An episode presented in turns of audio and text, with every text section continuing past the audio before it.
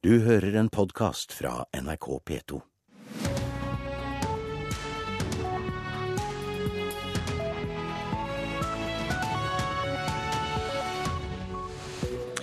Øystein Heggen ønsker deg velkommen til Nyhetsmorgen. Er du fortsatt i tvil? Vi kan fortelle at hver tiende velger venter med å bestemme seg for parti til i dag, på valgdagen. En av norgeshistoriens mest omfattende narkotikasaker mot Gjermund Cappelen starter i dag. Vi spør vår fotballkommentator om vi allerede kan utrope Rosenborg som seriemester etter seieren over Stabæk i går. Og mindreårige elever på videregående skole i Bærum oppfordres til å drikke alkohol og ha sex på fester ved starten av skoleåret. Nærmere hver tiende velger bestemmer seg altså i dag på selve valgdagen, og hver fjerde venter med å ta sin avgjørelse til siste uke av valgkampen. Skal du stemme i år? Skal, men jeg vet ikke hva. Men Hva er det da som får deg til å bestemme deg? Nei, Kanskje jeg tar en sånn en uh, valgkampskalkulator-ting Dagen, Samme dagen, eller? snart. Det er jo ganske mange velgere som er seint ute med å bestemme seg. Dette forteller statsviter Hilmar Rommetvedt ved forskningssenteret IRIS i Stavanger. Og når halvparten bestemmer seg for parti i løpet av valgkampen, så er det en fjerdedel, altså 25% av oss, som bestemmer seg i løpet av den siste veka av valgkampen. Til og med noen eh, sier at de ikke har bestemt seg før på selve valgdagen. Det er bortimot ja, det er ikke helt 10% men det 7% var vel det som kom ut av den siste stortingsundersøkelsen. Det sa statsviter Hilmar Rommetveit fra forskningssenteret Iris i Stavanger, og reporter var Ingvald Nordmark. Valgkampen i mediene har hatt nasjonale overtoner, og kampen om storbyene har skapt dramatikk, mener medieforskerne. Og aldri har velgerne hatt flere kilder å velge mellom. Velkommen til Østfold og Litteraturhuset i Fredrikstad. Hjertelig velkommen til politisk debatt fra selveste Byhallen i Kristiansand. Vi har holdt på her nede på Youngstorget i 7 av 24 timer. og Vi skal prøve å sette en debattrekord her på NRK. For en debatt, for en temperatur på TV 2 vi hadde nå den Det var en fantastisk god debatt. Den var utrolig intens og mye nerve. Kanskje først og fremst er det sånn at stoffet blir skreddersydd. F.eks. så vil de som vil ha VG sin stil, de som liker den, den gode tabloidjournalistikken, de kan få det på VGTV. Eh, Mens de som kanskje liker andre typer analyser, kan få det fra NRK og TV 2. Magnus H.M. Iversen er stipendiat ved Institutt for informasjon og medievitenskap ved Universitetet i Bergen. Han mener at det spesielt er én sak som har gitt høy temperatur i mediene. F.eks. saken om Syria-flyktningene har jo vært den desidert viktigste og har slått inn over valgkampen vår. Og det er en sak med globale dimensjoner og viktige lokale spørsmål. F.eks. så er det jo kommunene som må ha råd og plass og infrastruktur til å ta imot flyktningene på en god måte. Men det er også en sak som typisk kaller på lederskap og ber partilederne tre litt fram, da. Mediemangfoldet har vært tydelig i denne valgkampen. Velgerne har hentet informasjon i et bredt utvalg av kanaler, på nett-TV og nettaviser. Eh, på NRK, blant annet. Eh, og gjennom lokalavisene, stort sett. På TV 2. Det, det, er, det er bedre informasjon for oss. Vi forstår veldig godt forskjellige programmer som det går der. Jeg følger med veldig mye på det. Det er veldig spennende. Få se hvem som vinner, da. I et av valglokalene stemte også Eli Skogerbø, professor ved Institutt for medier og kommunikasjon ved Universitetet i Oslo. Valg er jo godt journalistisk stoff. sant? Det, bærer, det, det har i seg konflikt, det har i seg eh, litt sånn eh, personfokusering. Masse ting som kan få folk til å engasjere seg. Men har mediene nådd dem som alle ønsker seg, de ettertraktede unge? Ja, Det vil jo eh, valgresultatet faktisk vise om man har fått mobilisert unge velgere. Valgkampen har vært saksorientert, i alle fall sånn sett fra mitt ståsted. Det vil jo appellere mer til unge velgere enn om det er bare fokus på hvem, hvem av de store aktørene som vinner. Det sa professor Eli Skogebø ved Universitetet i Oslo til reporter Tone Staude. Sigrun Vågeng blir utnevnt til ny toppsjef i Nav på fredag, ifølge Dagbladet. Vågeng har tidligere ledet ekspertutvalget som gransket Nav. Vågeng-utvalget konkluderte i april med at Nav er for lite opptatt av å få folk i arbeid og har for dårlig kontakt med arbeidsgiverne. I dag starter en av norgeshistoriens mest omfattende narkotikasaker. Mafiatiltalte Gjermund Cappelen er utpekt som hovedmannen i en organisert kriminell gruppe. Ifølge politiet eh, mener han har oppbevart og solgt 1,4 tonn hasj. I den saken som nå kommer opp i Asker og Bærum, så har han eh, erkjent eh, fullt ut det som står i tiltalen. Det forteller Cappelens forsvarer Benedicte Wibe. For i dag skal den første delen av en av norgeshistoriens mest omfattende narkotikasaker for retten. For det var i desember 2013 at politiet avslørte en hasjliga i Bærum, og politiet mener hovedmannen er investoren Gjermund Cappelen. Han er tiltalt etter den såkalte mafiaparagrafen for oppbevaring og salg av totalt 1,4 tonn hasj. Men det totale omfanget av narkobaronens virksomhet er langt større. Han må trolig gjennom to omfattende rettssaker før han får sin straff for massiv narkotikavirksomhet over to tiår. I den grad man kan eh, legge til grunn det Cappelen selv sier, så er det i hvert fall 20-25 tonn som er innført eh, over en 20-årsperiode. Og politiet mener han har tjent minst 125 millioner kroner, men dette skal behandles i en ny rettssak, antageligvis til neste år, og det er i denne saken at polititopp Eirik Jensen er trukket inn. Han har konsekvent avvist påstandene og har tidligere antydet overfor NRK at Cappelen har et hevnmotiv for å trekke ham inn i saken. Men forsvarer Benedicte Wibe forteller at Cappelen var nødt til å navngi Jensen. Politiet hadde en god del eh, kunnskap om eh, en offentlig tjenestemann, og eh, da valgte han å, å, fortelle historien fullt ut. Og den kunne ikke fortelles fullt ut uten at også Erik Jensen ble en sentral person. Nå i dag skal 48-åringen sitte på tiltalebenken i Asker og Bærum tingrett sammen med sju andre menn. Fire fra Oslo, to fra Bærum og en fra Hedmark. Disse er bl.a. tiltalt for salg og oppbevaring av store mengder hasj. Tidligere har politiet bedt om inndragning av verdier for hele 54 millioner kroner fra Bærumsmannen. Dette omfatter om lag 5 millioner i kontanter, smykker til verdi av over 1 million kroner, klokker verdt over 2 millioner kroner samt et Munch-maleri. Cappelen har ikke de pengene i dag. Det, det Cappelen har i dag, det er en eh, meget stor gjeld til eh, leverandørene. Så eh, han kommer i hvert fall ikke ut på noe plusside uansett eh, hvordan man setter opp regnestykket. Og Cappelen kan bli dømt til opp mot 18 års fengsel. Reportere var Liv Rønnaug Lillåsen og Martin Sondag. Så til det avisen er opptatt av i dag. Her kan det bli maktskifte, skriver VG og lister opp byene der avisa tror valget kan bli spennende. Og det er Oslo, Bergen, Stavanger, Bodø, Tromsø, Drammen og Fredrikstad. Lenge så det ut til at ingenting bet på teflonhøyre i Bergen, skriver Bergens Tidende, men nå går det mot dødt løp mellom blokkene i dagens valg, skriver avisa.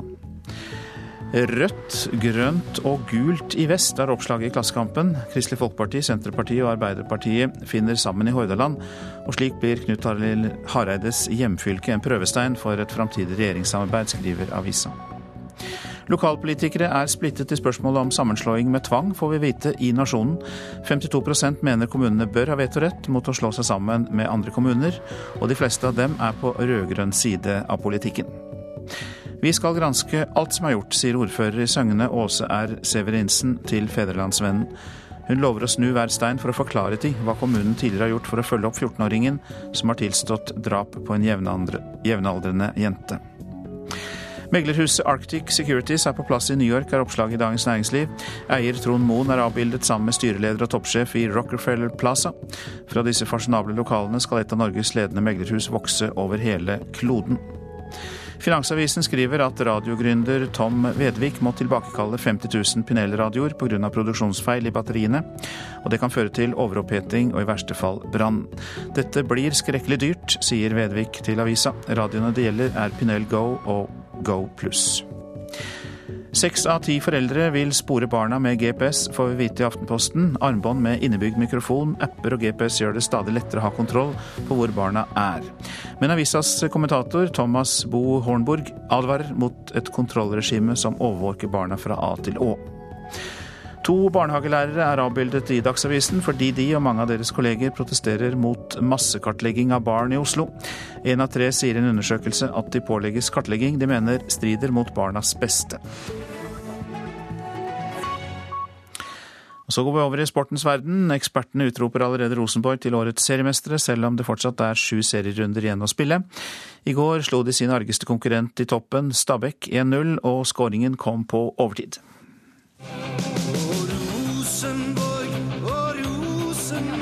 Helland i retning Anders Konradsen som setter ballen i mål! Anders Konradsen setter den ballen i mål! Nesten tre minutter er spilt av overtida.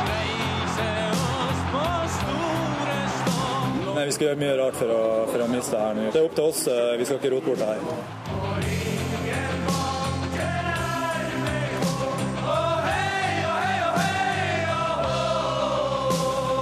Nå leder de Eliteserien med hele elleve poeng.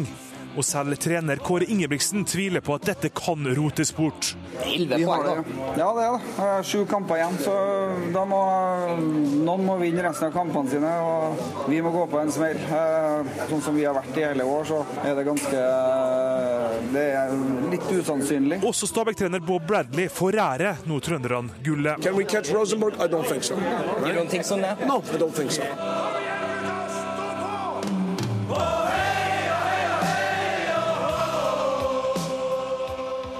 Reporter Tommy Barstein. Og hjertelig velkommen, Olav Tråen.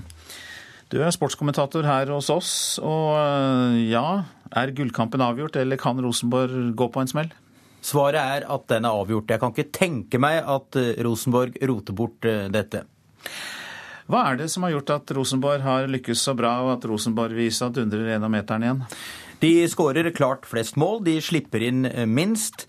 De har en rekke klassespillere, men eh, viktigst av alt, Kåre Ingebrigtsen og hans team har fått dette til å bli et lag med gode innspill fra trenerlegenden Nils Arne Eggen. Så det er jo en spillestil nå som på mange måter ligner 90-tallet, da Rosenborg under nettopp Eggen var Norges ener i en årrekke. Og så er de med i semifinalen i cupen, og de er klare for gruppespill i Europaligaen. Eh, Kan vi også da få se en virkelig stor sesong for Rosenborg? Ja, Det tror jeg fort det kan bli. De skal jo da i neste uke møte Stabæk igjen. Da i den norske cupen på Lerkendal. Helt sikkert opp mot 20 000 tilskuere og voldsomt trykk fra tribunen. Der er Rosenborg en naturlig favoritt.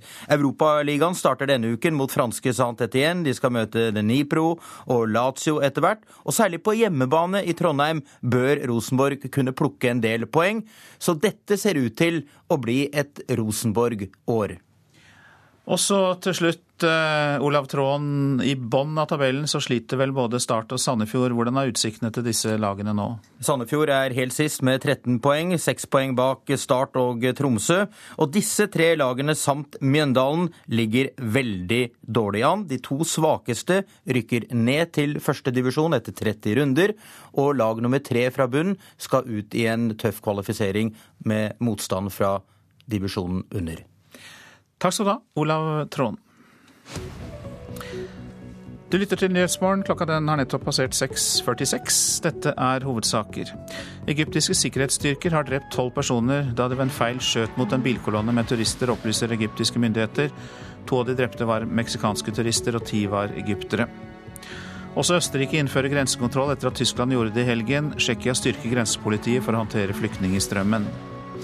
Og Statsminister Erna Solberg tror tallet på flyktninger og asylsøkere kan komme opp i 15 000 i Norge, skriver eh, Dagbladet. Og vi skal høre om biblioteker som også låner ut innbyggere til innvandrere. Vi tar veien over til eh, USA. Du trodde kanskje at eh, sosialisten Bernie Sanders og eiendomsmagnaten Donald Trump var de mest oppsiktsvekkende navn i kampen om å bli ny president i USA. Men du kan tro om igjen, for i forrige uke så lanserte en annen mann sitt kandidatur. Han har tenkt mye på sikkerhet, og har et navn noen kanskje kjenner igjen fra datamaskinen sin. Uh, but John, good to have you here with us. Uh, you're talking about running for president, or I've heard people are talking about you. Det var til nettstedet infowars.com at internettgründeren først fortalte om presidentambisjonene. Been advising me to run, urging me to run. Um, my uh, uh, my team actually filed today formally. Um, John McAfee mener en president må ha en dyp forståelse for informasjonsteknologi, fordi teknologien styrer vår hverdag. um, you know, we're we're living in a cyber world now, a, a world based on technology that that uh, are certainly our current administration does not understand in the least. 69-åringen tror han kan være en slik president. Hans politiske fundament ligner en del på vårt eget piratparti. Han stiller som uavhengig kandidat i det nystiftede Cyber Party. Well, yeah, here's what I feel. Any, any, any disclosure of any information is good. Why should we be kept in the dark on anything? Good Lord, you know, we're all adults here. I want to know what's happening in my world. Otherwise, I'm, I'm in McAfee støtter varsleren Edward Snowden. So to that extent, you know, I'm behind the guy. Let's find out what the world is all about. What is our government actually doing? Don't you want to know, people? I do.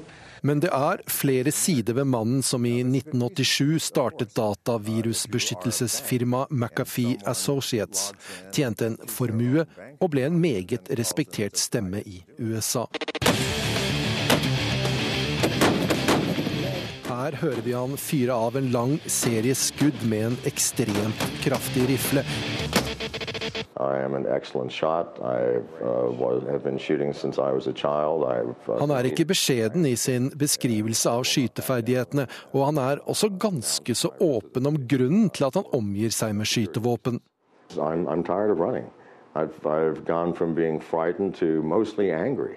Nå er det dødsskvadroner fra det lille mellomamerikanske landet Belize han frykter vil forsøke å drepe ham.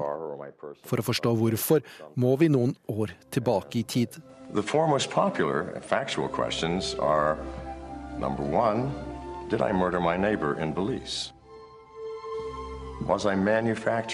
Videoen vi hører lyden fra, har McAfee selv lagt ut på nettet. Han sitter i et bibliotek iført en rød og sort slåbrok. No.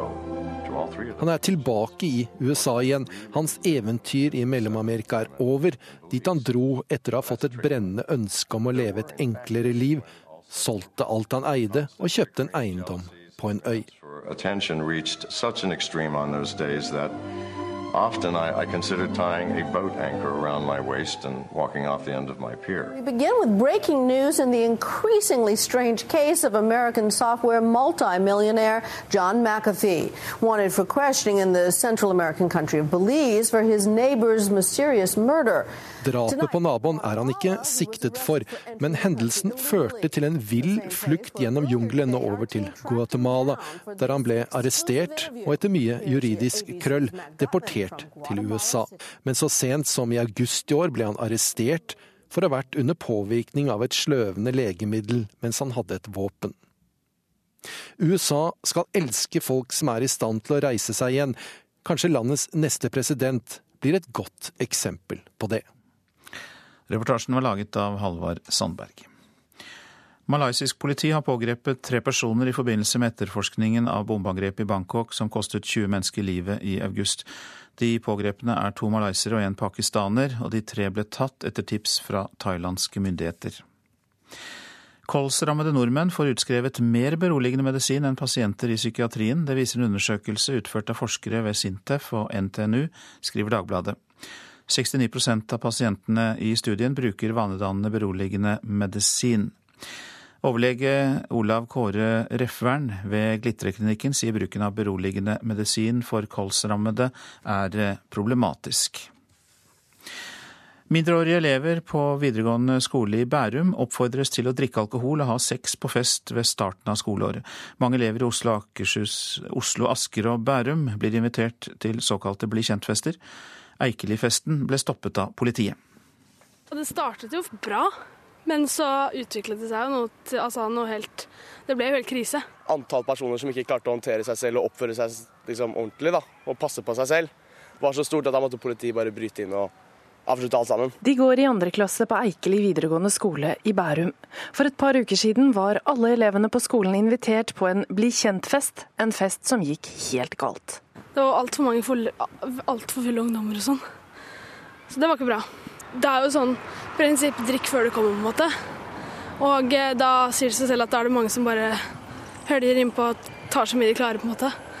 For å klare å være beruset hele kvelden. Men det, hvis ikke du er så trent på å drikke, så går ikke det bra. Bli kjent-fester har blitt vanlig i Asker, Bærum og Oslo vest. De blir ikke arrangert av skolene, og festen skal være rusfri. Men ravende fulle ungdommer og en fest fullstendig ute av kontroll, det var det som møtte politiet da de kom til Eikeli-festen. Det forteller politioverbetjent Ole Magnus Jensen ved Asker og Bærum politidistrikt. Det var et sjøslag hvor det var ravende fulle ungdom ute i gatene. eh, Veldig mye mennesker. Og uhåndterlig i og med at det også var en stor grad av beruselse. Så, så det, det, måtte man avslutte ganske umiddelbart etter at festen startet. Det som møter oss på disse festene, er ravende fulle eh, mindreårige ungdom som ikke er i stand til å ta vare på seg selv. Som sågar har uh, seksuell omgang på åpen gate.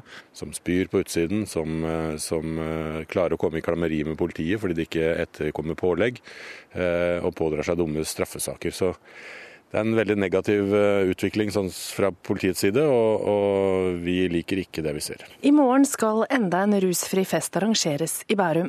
Denne gangen er det ungdommene på Sandvika videregående skole som skal bli kjent. I invitasjonen på Facebook skrev arrangørene. Et vilt vors er essensielt. Klassefors er å anbefale. Overstadig berusede personer vil ikke slippe inn, så play cool. Henviser til gratis kondomer hos helsesøster. Dette blir sjukt. Nei, altså jeg vil jo si at den invitasjonen som jeg ser på nå, er jo ikke i henhold til det vi har uh, bedt arrangøren om. Det er en veldig klar oppfordring her til uh, stort inntak av alkohol i forkant. Det sier Herman Ekle Lund, daglig leder på Musikkflekken i Sandvika hvor festen skal holdes. Han sier det er en fordel å arrangere ungdomsfester utenfor boligområder, men sier det er uakseptabelt å oppfordre til drikking av alkohol. Det her er jo basert på tillit, siden det er så kontroversielt. Så resultatet er at hvis det blir for, for mange negative konsekvenser, så må vi bare slutte å leie ut til, til ungdomsfester. Så enkelt er det. Mange bekymrede foreldre har den siste tiden tatt kontakt med politiet i Asker og Bærum for å få råd. Som foreldre så, så er man sterke sammen. Så vår klare oppfordring er at man går sammen, eh, lager felles regler, blir kjent med de nye vennene til, til barna sine, og, og tar kontakt med de og, og, og lager felles kjøreregler. Og Arrangøren av denne festen i Sandvika har nå endret ordlyden i invitasjonen og skriver i en tekstmelding til NRK følgende Vi beklager oppfordringen til vorspiel på Facebook-siden. Det var ingen intensjon å fremme usunne holdninger, og i ettertid ser vi at formuleringen var uheldig. Og reporter her, det var Kaja Figenschou. Lån en innbygger. Innvandrere i Vestre Toten håper et nytt bibliotektilbud skal hjelpe dem å bli bedre integrert i lokalsamfunnet. Fyrverkeriet bibliotek på Raufoss vil nemlig starte utlån av innbyggere. Da har jeg levert av boka mi. Så bra. Nå er alt i orden. Skal du ha med deg noe nytt utad i dag? Mona Myrland er biblioteksjef ved Fyrverkeriet bibliotek på Raufoss. Hun har fått en idé. Vi har tenkt å lage en møteplass mellom innbyggere og innvandrere der vi, vi, låner ut innbyggerne våre, rett og slett. Innbyggere som melder seg til utlån, forplikter seg til å gi bort en time av tida si. Tre dager i uka skal lånere kunne møte folk som er til utlån på biblioteket. Tanken er jo at jeg tror det ville vært veldig flott for en del, særlig innvandrere, hvis de kunne ha si, hatt en samtale med ti forskjellige innbyggere. Da. Så betyr jo det at det er ti personer som vil si hei når de treffer noen på butikken eller på gata, og at det kan være et viktig bidrag. Ja, Utgangspunktet høres veldig spennende ut. ja, ja. En times tid nå da, det kunne jo være greit, det. Hva tror du et sånt møte vil gi deg, ja? En forandring i hverdagen og litt spenning. Ja. Eva Wam og Steinar Grønlin hilser tilbudet velkommen. Ja, Bli kjent med en annen kultur, kanskje. Ikke minst det. Det er jo kanskje det beste jeg ville kunne få ut av det. Å bli en venn med en flyktning. Hva skal man prate om? Er du innvandrere, så har de sikkert litt å fortelle, og jeg har litt å fortelle om lokalstedet her, da, rundt på Toten f.eks. I klasserommet på voksenopplæringa øver Erika Fernandez seg på norsk foran klassa. Men kunne du tenke deg å låne en person, da? Ja, det er en uh, god sjanse til å, til å snakke norsk først. Til å bli kjent, og til å integrere i Norge. Ja. Reporter Jorunn Wang, og biblioteket håper å komme i gang med innbyggerutlån denne uka. Så var det værvarselet. Fjell i Sør-Norge. Sørøst og øst stiv kuling utsatte steder. Perioder med regn og regnbyger. Bare små mengder nedbør nord for Langfjella. Østafjells østlig liten kuling utsatte steder. På kysten vest for Oksøy periodevis stiv kuling. Regn og regnbyger østafjells. Mindre nedbør øst for Oslofjorden og nord for Mjøsa. I eh, Buskerud, Vestfold, Telemark og Agder lokalt mye nedbør, og det øker på fra kvelden. Vestlandet sør for Stad østlig stiv kuling utsatte steder, for det meste skyet. I Rogaland regn og regnbyger. I Hordaland og Sogn og Fjordane enkelte regnbyger. Møre og Romsdal sørøst liten kuling utsatte steder. Skyet eller delvis skyet, utrygt for enkelte regnbyger. Vi går til Trøndelag, som får sørøst periodevis stiv kuling i utsatte fjordstrøk og på kysten, og utrygt for litt regn i grensetraktene, men ellers opphold og perioder med sol i Trøndelag. Nordland sørøst liten kuling fra Sørsalten og sørover. Det blir mye pent vær i Nordland, men noe mer skyer i grensetraktene. Troms og Finnmark ser vi samlet. I Finnmark lokalt tåke eller tåkeskyer, men ellers så blir det stort sett pent vær i begge disse nordligste fylkene. Og Nordensjøland på Spitsbergen, der blir det regn av og til. Så tar vi for oss temperaturene, og de ble målt klokka fem i natt. Det er plussgrader over hele linja, ser jeg. Temperaturer målt klokka fem. Svalbard fem grader, Kirkenes ti, Vardø ni. Alta ti. Tromsø-Langnes ni. Bodø 14. Brønnøysund 15, Trondheim-Værnes 16, Molde 15, Bergen-Flesland 13, Stavanger 16. Kristiansand-Kjevik 15, Gardermoen 12, Lillehammer 13. Røros 10 grader, og Oslo-Blindern har 13 grader.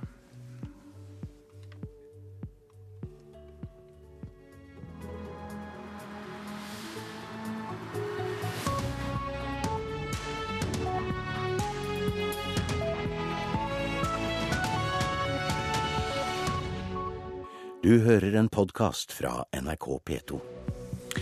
Her i Nyhetsmorgen tar vi inn vår Tyskland-korrespondent for å få mer om bakgrunnen for at flere land skjerper grensekontrollen. Flere selskaper bryter loven med kortnumre som er dyrere å ringe til enn vanlige telefonnumre, mener Forbrukerombudet. Valgkampen i Norge i år kan føre til at flere avgir stemme, tror forskere. Og politiske dynastier finnes også i Kommune-Norge. Bli med til Fjell, Øygarden og Austevoll i Hordaland. Ja, vi hørte det i Dagsnytt. Både Tyskland og flere naboland styrker beredskapen ved grensene i et forsøk på å kontrollere strømmen av flyktninger. Korrespondent i Berlin, Guri Nordstrøm, gi oss litt mer om bakgrunnen for det som skjer. Ja, altså Etter at uh, Tyskland åpnet grensene for alle forrige helg, så har man sett at uh, vi har følt her at det har blitt utnyttet. At mange av landene rundt har latt være å registrere asylsøkerne som kommer, fordi de uansett bare ville til, videre til Tyskland. og Det mente man her ikke var holdbart i lengden. Innenriksministeren sier at det er ikke sånn at dem som ber om beskyttelse, selv bare kan velge hvilke land de skal få det i. Så nå med denne grensestengningen i går, så ønsket man å sende et signal om at andre land også må respektere det Schengen-regelverket man har blitt enige om. Og det ser man jo nå har fått, fått ringvirkning. Tysklands signal er at man ikke kan ta alt som skjer nå alene. Og så er det én ting til, og det er at allerede før man åpnet grensene, så var kapasiteten her i Tyskland sprengt. Asylmottakene var allerede fulle. Folk var allerede plassert i telt. Og når de da bare på lørdag kommer 13 000 asylsøkere til München, altså flere enn det som kommer til Norge i løpet av et helt normalår, så måtte man si stopp. Hva skjer da med flyktningene? Det er det som nå er uvisst. Det vi vet er jo at de som nå skal over grensen og har papirene i orden, de slipper naturlig nok igjennom. Og så er det ennå ikke kommet noe konkret svar på hva som konkret vil skje med dem. Men det som i hvert fall er sikkert, er at man må sørge for en registrering. For det som har vært situasjonen nå i forrige uke, er jo at veldig mange har reist rundt uten å blitt registrert i det hele tatt.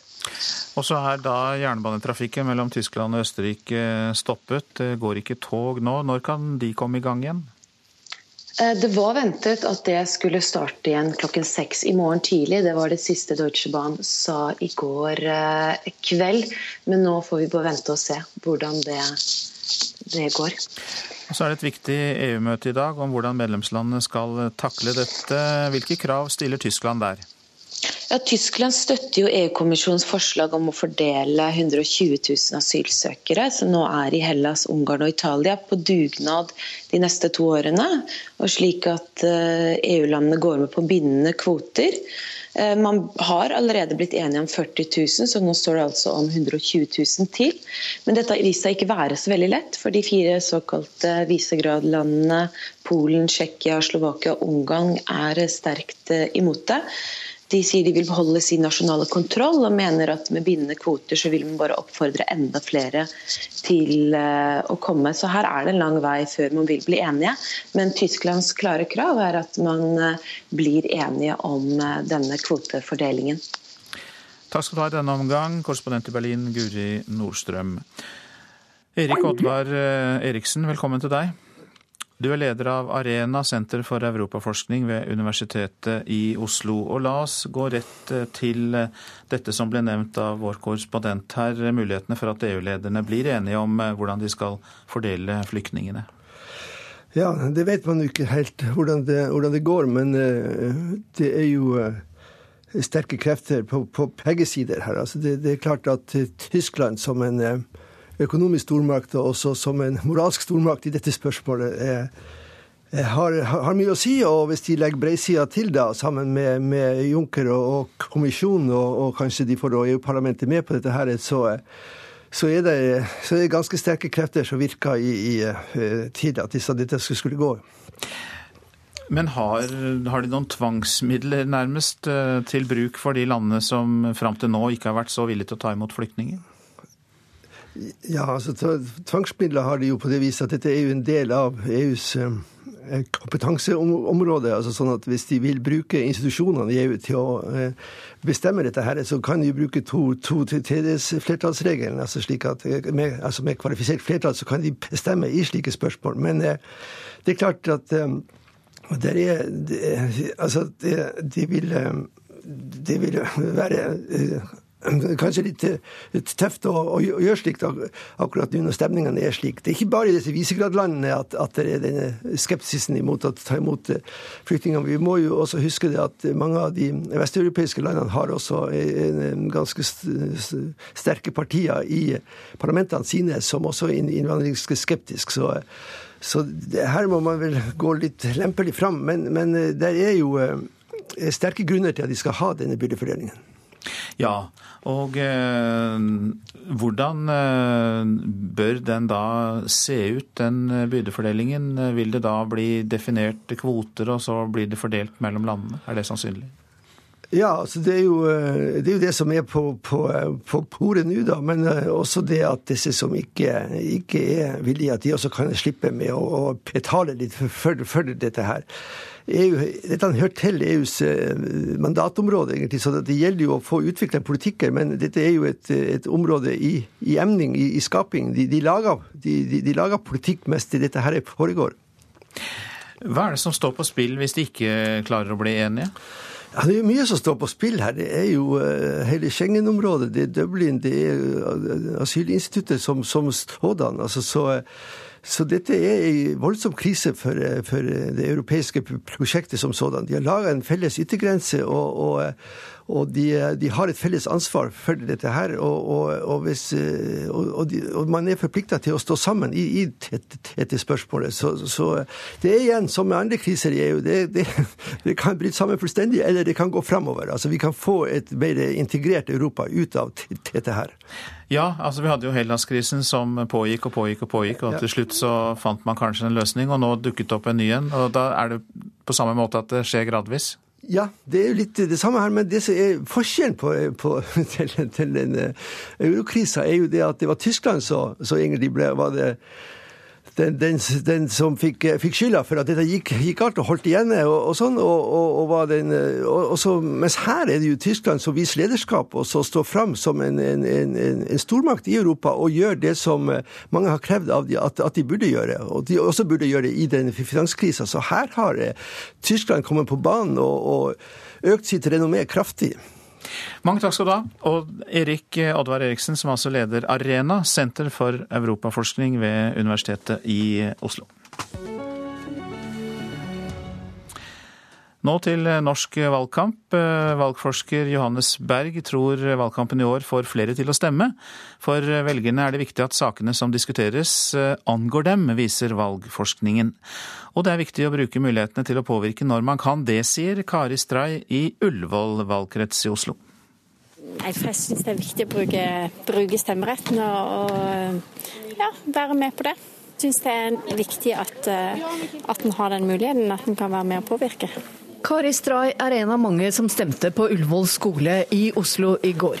Velger Torstein Are er opptatt av mange saker når han stemmer. Jeg er opptatt av øh, øh, altså forholdene for syklister f.eks. At det legges godt til rette for det. Jeg er opptatt av å verne markagrensen, øh, ikke bygge ut aktivitetssoner. Så det er saker som jeg har vært opptatt av. Og det mobiliserer velgerne til å stemme, sier valgforsker Johannes Berg. Ja, jeg tror det til syvende og sist så er det de politiske sakene som er viktigst for om folk eh, stemmer eller ikke. Hvis, hvis velgerne føler at politikken eh, er viktig, at, at, valget er avgjørende for hva slags politikk som blir ført fremover, så stemmer de. Særlig hvis de sakene eh, avgjøres av de politikerne som skal velges.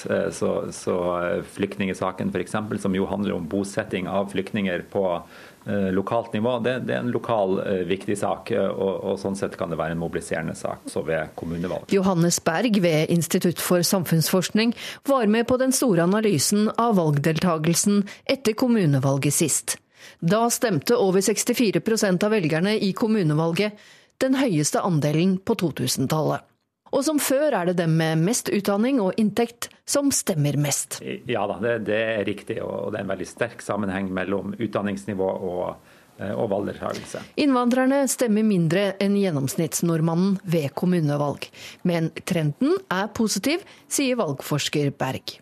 Etter hvert som innvandrerne har bodd i Norge en tid, eh, blitt bedre integrert, eh, kjenner til språket og, og får en viss oversikt over norsk politikk, så øker også deltakelsen. Så trenden for innvandrerbefolkningen over tid eh, er positiv. Eh, men i snitt så deltar altså innvandrerne eh, mindre. Shan Ivanova stemmer alltid. Fordi vi tror at det er obligatorisk å stemme. Det er viktig å stemme, vi. Vi er mennesker og må passe på alle samfunnet. Derfor. Også de yngre stemmer i mindre grad enn godt voksne. Men det er viktig for oss alle at ungdommen velger å stemme. Det synes velger Kari Stray fra Oslo. Ja, det syns jeg er viktig. Hvorfor det? Eh, fordi det er framtida vår. Er viktig å videreføre det demokratiet vi har. Reportere Hedvig Bjørgum og Katrin eh, Hellesnes. Og da har vi åpnet mikrofonen i vårt studio på Tyholt i Trondheim. Professor i statsvitenskap ved NTNU, Anders Todal Jensen, god morgen til deg. God morgen. Hvor flinke har politikerne vært da, til å sette saker folk er opptatt av på dagsorden denne valgkampen? Ja, Det er jo et eh, veldig åpent spørsmål foreløpig. Eh, jeg tror nok Johannes har mye rett i at Syria og Syriaflyktningene har vært et viktig tema. Eh, og jeg tror også skatt, økonomi, eldreomsorg har vært eh, viktige temaer eh, i de nasjonale mediene, og antagelig stimulert til deltakelse. Men vi må huske på at en sak som betyr mye i de minste kommunene, nemlig kommunereformen, vet vi egentlig veldig lite om hvor mye har vært diskutert. Og jeg kan godt se for meg at i mange små kommuner så er det den mest brennbare saka. Hvordan tror du da at valgdeltakelsen blir i år? Veldig vanskelig å si. Nå har den gått opp ved de siste valgene, men eh, vi har jo hatt en lang trend som går faktisk helt tilbake til 1963, eh, med nedadgående deltakelse ved lokalvalgene. Og vi er ganske usikre på hva som egentlig har gjort at denne trenden nå har snudd. Eh, så før vi egentlig vet noe sikkert om det, skal vi være veldig forsiktige med å spå om at pila nå peker oppover for evig og alltid. Ja, så Du vil ikke engang spekulere i om det kan være lokal nettvirksomhet? At eh, politikerne lokalt er blitt eh, mer aktive utad eh, gjennom internett f.eks.? Dette er veldig vanskelig å si. Vi vet jo, som Johanne snakka om, at de viktige sakene drar velgere i i tillegg så må kampanjen også være intensiv. altså Partiene må jobbe, gjøre jobben sin.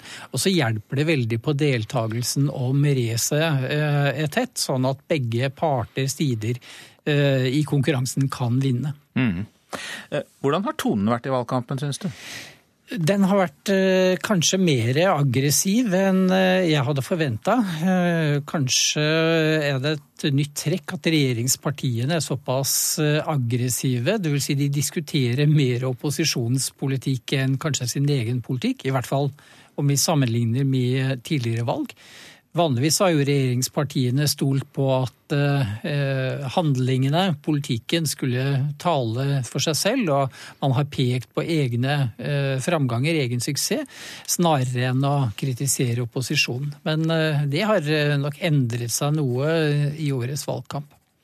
I og med eh, Syria-spørsmålet og flyktningspørsmålet som du nevnte helt i starten, eh, har det ført til at det har vært eh, mer fokus på nasjonale saker i år enn tidligere? Ja, dette er jo både en nasjonal og en lokal eh, sak, sånn at eh, akkurat den slår litt eh, begge veier. Mm. men det er nok sånn at mediene generelt, og det er jo på en måte mediene som danner bildet vårt av hva som foregår i en valgkamp, de er jo mer sentrale enn lokale. Altså de minste Kommunene har jo ikke egne lokalaviser, f.eks. Så selv om vi har mange lokalaviser i dette landet, så foregår det veldig mye valgkamp i de små kommunene som går under medienes radar. Flere medier har jo prøvd å få en ung profil på sin valgdekning. Senest i dag når Adresseavisen har ni ungdomspolitikere på forsiden. Har de lykkes med det? Jeg syns det har vært gjort mange gode forsøk eh, på å få eh, ungdom eh, opp og fram. Øke den politiske interessen blant ungdom. Men samtidig er det jo noen tendenser som motvirker det. F.eks. det at ungdommene lenger enn før lever i en slags førvoksen fase, der de ja, tar forholdsvis lite ansvar for barn, eh, foreldre, altså der de har få samfunnsborgerroller, som vi vet leder til politisk engasjement.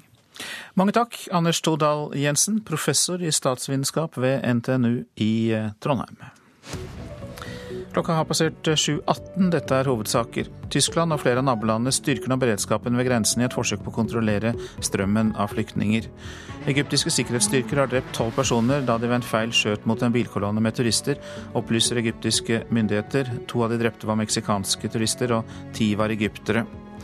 I California i USA er flere hundre bygninger ødelagt og mange tusen mennesker er evakuert pga. 13 ulike skogbranner. Guvernøren har innført unntakstilstand i fylkene Leik og Napa. Og eh, Sigrun Vågeng blir utnevnt til ny toppsjef i Nav på fredag, ifølge Dagbladet. Vågeng har tidligere ledet ekspertutvalget som gransket Nav. Flere norske selskaper bryter loven ved å ha femsifrede telefonnummer som er dyrere å ringe enn vanlige telefonnumre. Det sier Forbrukerrådet. Ingen selskaper skal ha dyrere minuttpris enn vanlig når folk ringer deres eh, kundeservice, nemlig. Arnfinn Larsen fra Ålesund ble sjokkert da han åpnet telefonregningen sin etter å ha ringt eh, femsifrede nummer. Og Her har vi da en regning. Fastabonnementet er la vi si 170-80 kroner på en måned. Og så er faktisk eh, nesten 70 kroner er regninga på firesifra og femsifra nummer. Mange norske selskaper opererer med femsifrede kundeservicenummer. Å ringe dem kan koste opptil flere ganger så mye som å ringe et vanlig telefonnummer. Lovbrudd, sier Bente Øverli i Forbrukerombudet. Og Ifølge ny endring i markedsføringsloven i fjor, så er det ulovlig. Hvilke firmaer er det snakk om her? Det har vi ikke sjekket, men vi har jo fått en del eh, forbrukere på tråden som eh, kan klage på alt fra et forsikringsselskap til et teleselskap til eh, kabel-TV-leverandøren, som reagerer på at de må betale for rett og slett å kunne si opp en avtale, endre en avtale, eller til og med bestride en regning som er feil. Hva kan man gjøre med det? Nei, det vi vil gjøre nå er å kartlegge omfanget av dette og kontakte næringsdrivende for å sørge for at den praksisen endres. Oslo kommune og NAF er blant de som har femsifrede nummer, men sier de selv ikke tjener penger på de dyre linjene. Det gjør derimot teleselskapene. Vi får en fortjeneste på det, men samtidig så har vi en kostnad med å sette opp numrene og, og følge opp overfor bedrift, slik at den funksjonaliteten fungerer hele tiden. Sier Anders Krokan, informasjonssjef i Telenor. Han vil ikke si hvor mye Telenor tjener på de femsifrede telefonnumrene. Her snakker vi om eh, et eh, ganske komplekst regnestykke, og det er ikke rett fram å, komme med den type regnestykke her nå, men eh, vi ligger lavere enn de fleste andre aktører i markedet. Hvorfor koster det mer å ringe et femsifret telefonnummer?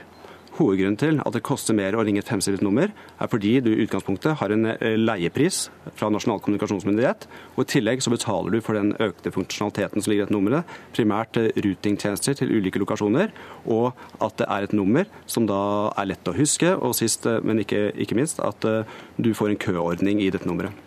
Tilbake i Ålesund reagerer Arnfinn Larsen sterkt på fremgangsmåten til teleselskapene. Han tror at flere blir like overrasket som han selv ble over at femsifrede numre ikke er inkludert i telefonabonnementet. Og Man skal ikke sende billig et produkt, og så er det veldig dyrt små detaljer som vi nesten ikke skal legge merke til. Det blir, I mine øyne så er det et lureri. Reportere Vegard Valestrand og Pål Christian Linseth.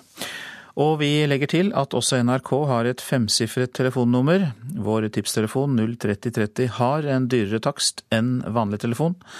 NRK bryter likevel ikke loven, da dette ikke er nummer til kundeservice. Nyhetsredaktør Per Arne Kalbakk sier NRK valgte 03030 fordi det var et enkelt nummer for folk å huske.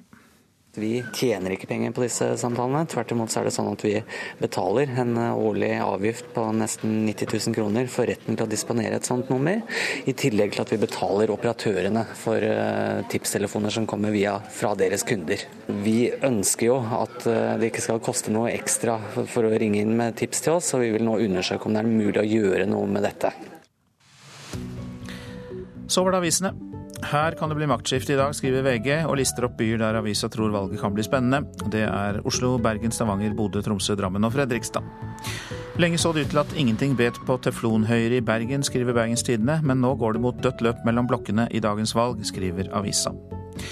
Rødt, grønt og gult i vest er oppslaget i Klassekampen. Kristelig Folkeparti, Senterpartiet og Arbeiderpartiet finner sammen i Hordaland. Og slik blir Knut Arild Hareides hjemfylke en prøvestein for et framtidig regjeringssamarbeid, skriver avisa. Lokalpolitikerne er splittet i spørsmålet om sammenslåing med tvang, får vi vite i Nasjonen. 52% mener kommunene bør ha vetorett mot å slå seg sammen med andre kommuner, og de fleste av dem er på rød-grønn side av politikken. Vi skal granske alt som er gjort, sier ordfører i Søgne Åse R. Severinsen til Fedrelandsvennen. Hun lover å snu hver stein for å få klarhet i hva kommunen tidligere har gjort for å følge opp 14-åringen som har tilstått drap på en jevnaldrende jente.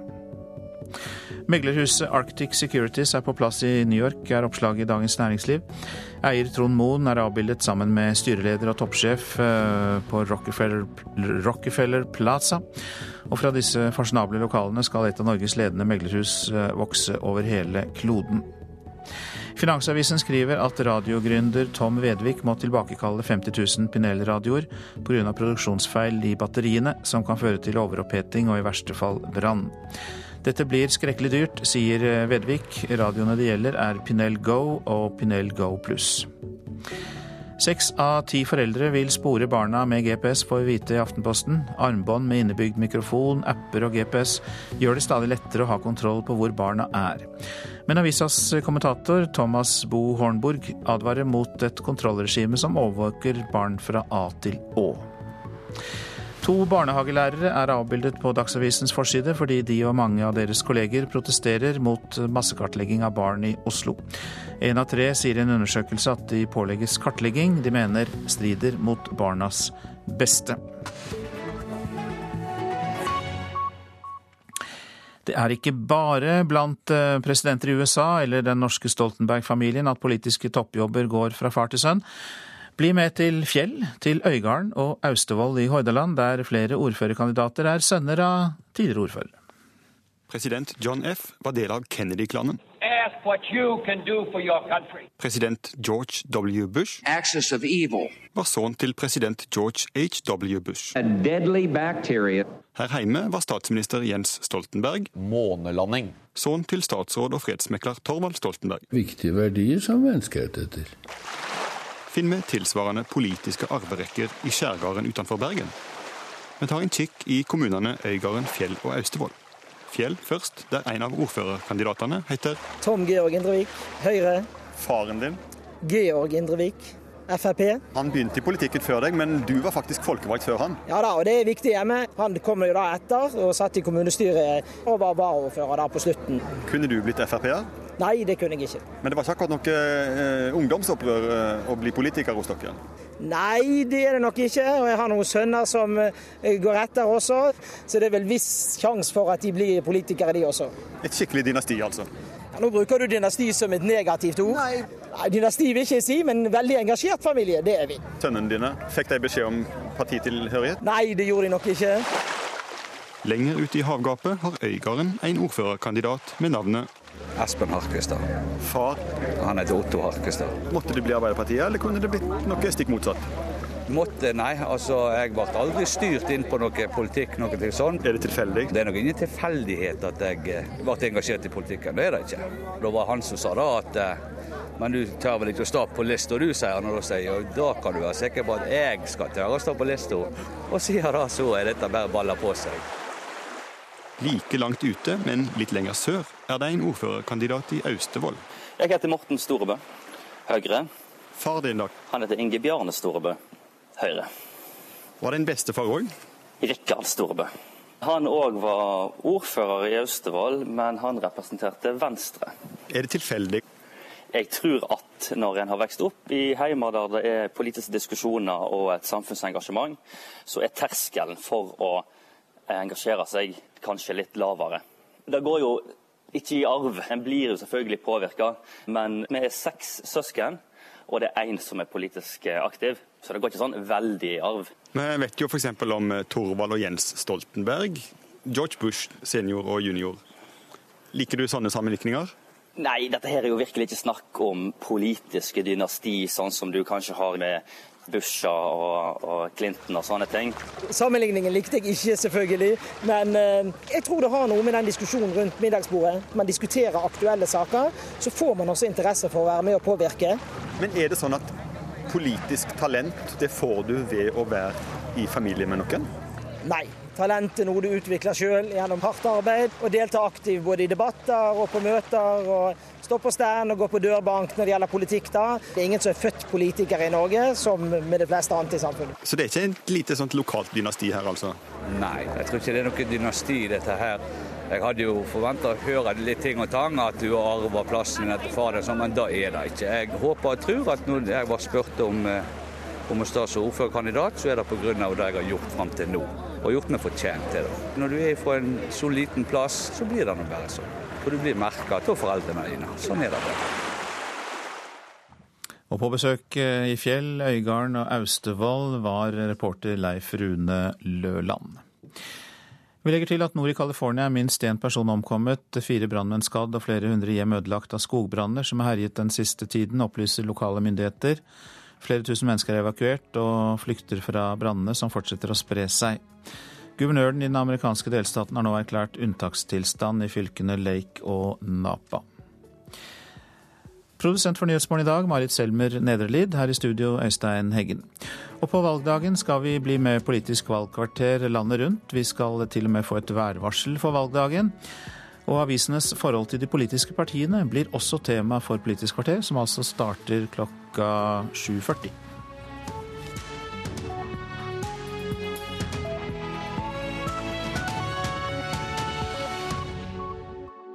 Du har hørt en podkast fra NRK P2.